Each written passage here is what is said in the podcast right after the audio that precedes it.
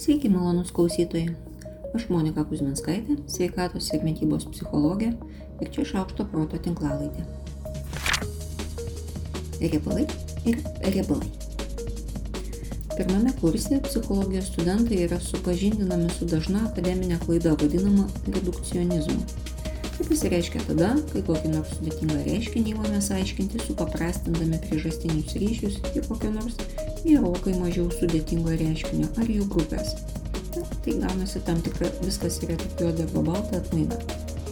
Pavyzdžiui, visi vaikai mėgsta saldainius, nes mano du vaikai jūs mėgsta. Arba akmenys iš dangaus nekrenta, nes ten jų nėra. Čia yra tikra citata iš iki moderniosios astronomijos. Arba visi gyvūnai yra tik biologiniai robotai. Na, panašiai yra su įsitikinimu, kad valgant riebų maistą didėja kūno riebalų kiekis. Ne, viskas nėra taip paprasta. Kiekvienas suvalgytas pirgas nenuplaukia kraujagyslė tiesiai į pilvo raukšlę. Kaip viskas vyksta, iš tiesų yra svarbu suprasti, nes nuo to tiesiogiai priklauso tai, kaip priimame sprendimus ir kaip elgiamės. Į organizmą patekę riebalai skaidomi E, ilgos riebalų molekulės trigliceridai yra skaidomos į paprastesnės monogliceridus. Šis skaidimas prasideda jau burnoje, tada skrandyje ir galiausiai plonosiuose žarnuose. Tam taip pat reikia kasos išskiriamų fermentų. Riebalinės rūgštys įsirbiamos į kraują žarnyne. Dalis riebalinių rūgščių nunešamos į raumenis, kurios sunaudojamos energijos gamybai. Čia riebalinės rūgštys skaido ląstelių mitochondrijos. Organizmas taip pat pats gaminasi įvairių riebalinių medžiagų, nes riebalai yra svarbi ląstelių senelių statybinė medžiaga. Tam beje visai nereikia valgyti spirgų ar kitokių riebalų. Na, tai be abejo labai redukcionizuotas paveikslas, na, bet visas internetas tikrai jūsų paslaugom, jeigu jums smalsu.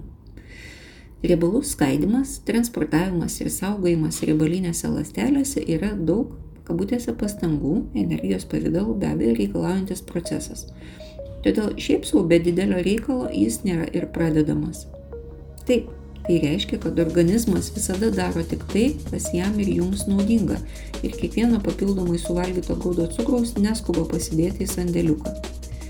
Vadinasi, riebalam kaupti jis kažkada gavo priežastį ar komandą. Gal kažkada gyvenote pusbudžių, todėl organizmas būdamas racionalus ir planuojantis ateitį, aišku, kabutėse, mes ne, negalim imti ir savo viduje apgyvendinti kitą būtybę. Tada jau būtų ne klaida, o diagnozė. Taigi organizmas nutarė inicijuoti taupimo programą, o jeigu nebus, ko valgyti. Tam pasirinkama efektyviausia taupimo forma - mažiausiai turi ir daugiausiai energetinės vertės turintys riebalai. Tas veiksmas vis tiek yra daromas tik po to, kai yra užpildytos visos įmanomos saugyklos, sakykime, tiesiog į kraują ir kepenyse. Ir tik po to yra kaupiami riebalai. Maisto ir statybinės medžiagos tokioje programoje jau laikomos antro būtinumo atsargomis. Svarbiausiai turėti energijos bėgiojimui paskui vertingą maistą ir jo rinkimui. Ir iki kabutėse. Tai kažkada galėjo būti ir tikras nepriteklius, ir dieta, ir kelios dietos iš eilės. Ir tiesą sakant, tiesiog menkai vertingos mytybos laikotarpis, kai iš nežinojimo ir kitų priežasčių maisto žmogus suvalgo pakankamai lyg ir turi prasme, bet jo kokybė jo maistinė vertė yra tokia maža, kad rezultatas vis tiek gaunasi pusbadžių. Geresniam įsivaizdavimui tarkim, kad suvalgėt gerą dubenį popieriaus. Skrandis pilnas, bet ir pavalgėt. Ne, nes popierius ne maistas. Nenodinga medžiaga, bet vis tiek ne maistas. Kiekvienas patiekalas, kurį ne jūs patys gaminat iš savo užaugintų produktų, yra pagamintas pramoniniu būdu, turės tam tikrą kiekį tokio kabutėse popieriaus. Medžiagų, kurie reikia, kad maistas negestų, nesisloksniuotų, neprarastų spalvos ir panašiai. Paskaitykit artimiausią etiketę ir apsvarstykit, ar į savo maistą dedat medžiagas, kurio pavadinimo negalit ištarti neužsikirzdami. Na, niekaip nepadeda ir nuolatinis hormoninę pusiausvyrą valdančios sistemos trikdymas per didelio angliavandenių kiekių, kurio mes tikrai, tikrai turim pakankamai aplinkui mus. Taigi, organizmas kaupia riebalus, jei kažkada yra kabutėse pamokytas, jog energiją teikiančių medžiagų gali trūkti ir nustoja jos kaupti tada, kai įtikinat organizmą, kad medžiagų netrūks. Tai yra maitinantis reguliariai, rūpinatės miego trukmė ir jo kokybė, nestresuoja ten, kur nereikia, produktyviai tvarkote su įtampa ten, kur reikia. Tas įtikinimas nėra greitas procesas. Vieno sprendimo, kad dabar gyvensit sveikai, viršsvoris per akimirką nenusmuks. Hormonų pusiausvėra kinta lietai, bet užtikrintai. Todėl geriausiai darykit viską taip gerai, kaip galit ir stenkitės nenerimauti dėl to, ko valingai valdyti negalite. Širdies ritmo nesistengėt valdyti sąmoningai. Tai ir virškinimui leiskit veikti, kaip jis moka geriausiai. Geriausia pagalba bus maitinti organizmą vertingų maistų ir nepersistengti su kiekiu. O kai sakau vertingų, tai būtinai apima ir riebalus, nes be jų negausim statybinių medžiagų visoms ląstelių sienelėms. Na štai, ėmiau ir suredukcionavau daugybę žinių ir tyrimų ir dar keletą storų knygų į rašinį be citatų. Tai gyvoja riebalai.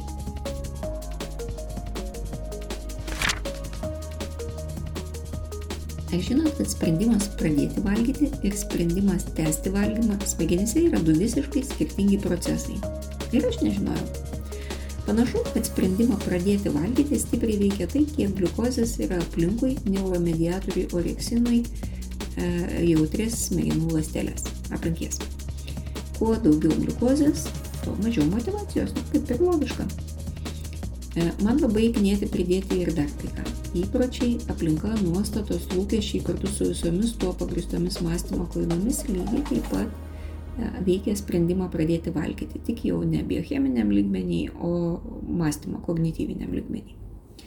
Sprendžiant valgyti toliau, realus gliukozės lygio pasikeitimas šiem oreksino receptoriam yra visiškai neįdomus. Net jei maistas, kurį valgote, yra gerokai saldesnis negu tikėjotės, panašu, kad smegenis vis tiek sako, ne, tiek to, valgom iki galo. Kita kartą tai gal ir turės įtakos sprendimui valgyti, bet šio traukinys jau pajudėjo. Gali veikti skonis, pavyzdžiui, kuo skaniau, tuo didesnė tikimybė, kad valgysim dar. Lėkštės dydis, kiekis lėkštėje, e, irgi kuo daugiau įdėta lėkštėje, tuo didesnė tikimybė, kad valgysim iki galo. Valgymo procesui skiriamas dėmesys ir kiti įdomus dalykai. Žinau, kad kartuojasiu kokį tūkstantąjį kartą valgymas jokių būdų nėra paprastas procesas. Ir tai dar vienas patvirtinimas. Ką valgo paaugliai? Žinau, yra stereotipas, kad visokius niekus - kola, čipsus, pica ir bulvytės. Gal, bet kodėl jie taip daro? Šiame tyrimė dalyvavo 13-18 metų paaugliai iš Airijos. Šio tyrimo rezultatuose sakoma, kad išskirtos aštuonios pagrindinės maisto pasirinkimo priežastys. Sensorinis poveikis, į kurį įeina vaizdas, kvapas, skonis, tekstūra, kaina ir pasiekiamumas, sveikata ir natūrali sudėtis, pažįstamumas, paruošimo lengvumas, nuotaika, svorio kontrolė ir etinės priežastys. Atrodo, kad daug.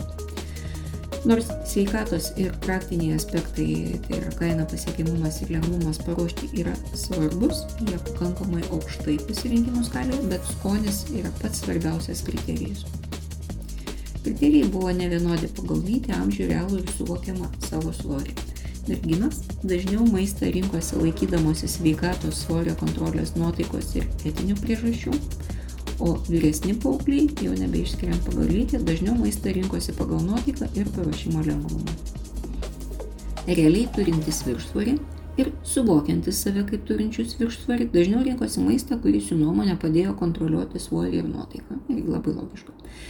Jie valgė mažiau kalorijų ir mažiau baltymų turinti maistą. Vat su mažiau baltymų tai tikrai neteisingai, na, su mažiau kalorijų suprantama ir paaiškinama.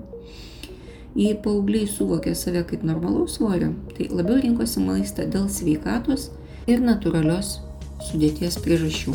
Jie ėmėsi ir daugiau sveikatą stiprinančių veiklų, daugiau fiziškai judėjo, mažiau laiko leido su ekranu ir daugiau valgė baltymų. Labai dažnas gameris ar sakykime, lietuviškai, kompiuterinių žaidimų entuziastas, man atrodo, sako, kad žaidžia, nes taip pailsi, atsijungia ar kitaip padeda savo doroti su nuovargiu, nerimu, nuoboduliu ar kitomis negatyviamis psichologinėmis būsenomis. Na, žiūrim, ką turim. Kanados gameriai buvo apklausti pačioje pandemijos pradžioje ir po to buvo apklausiami kas 3 mėnesius. Pasirodo, kad aukštą nerimo ir pažeidžiamumo įvertį gavę dalyviai buvo linkę daugiau laiko skirti žaidimui kaip šių būsenų įveikos būdui. na, lygiai stengiasi panaudoti tai. Tačiau susijusių problemų tuo pat metu irgi daugėja. Susijusios problemos tai yra nerimo ir pažeidžiamumo ir depresiniai simptomai. Tai norisi daryti išvadą, galbūt žaidimas ir sprendžia kažkurias problemas, e, leidžia pasiekti ambicijų, dopamino, užima laiką, leidžia bendrauti ir, ir taip toliau ir taip toliau. Tačiau nerimo ir depresijos problemų ir priežasčių tikrai nesprendžia.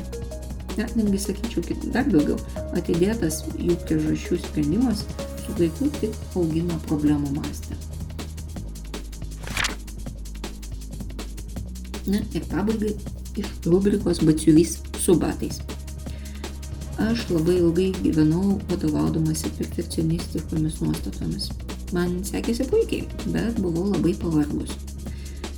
Būtasis laikas čia nėra iki galo tinkamas, nes tai vis grįžta ir grįžta, todėl reikalingas stebėjimas ir nuolatinė gynyba.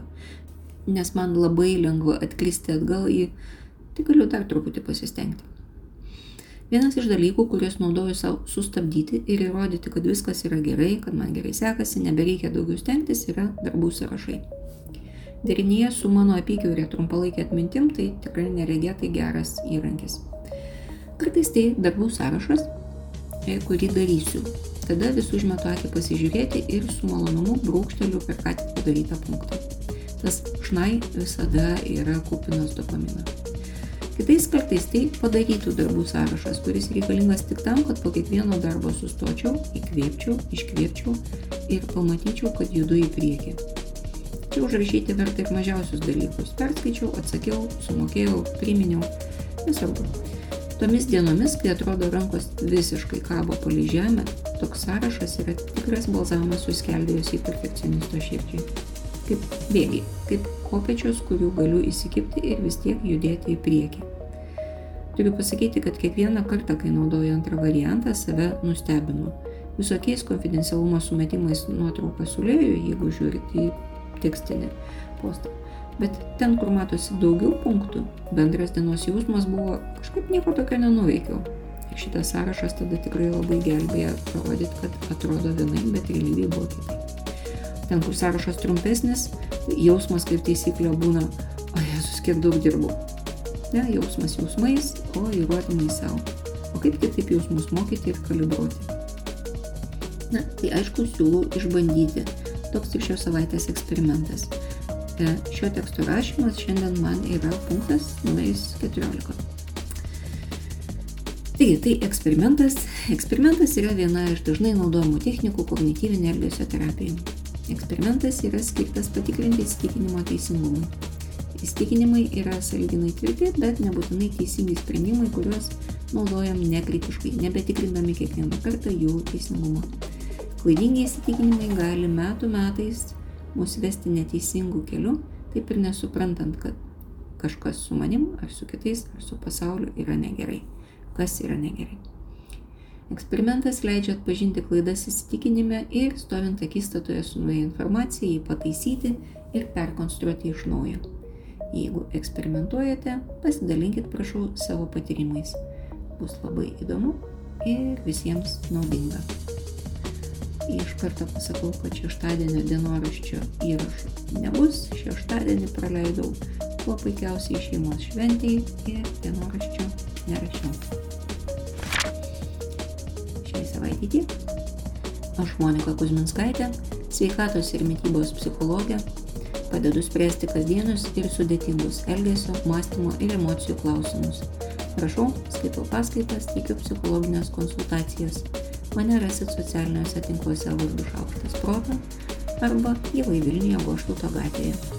Rašykit man asmenę žinutę socialiniuose tinkluose arba elektroniniu paštu adresu šaukštas.proto atgmail.com. Taikos ir ramybės.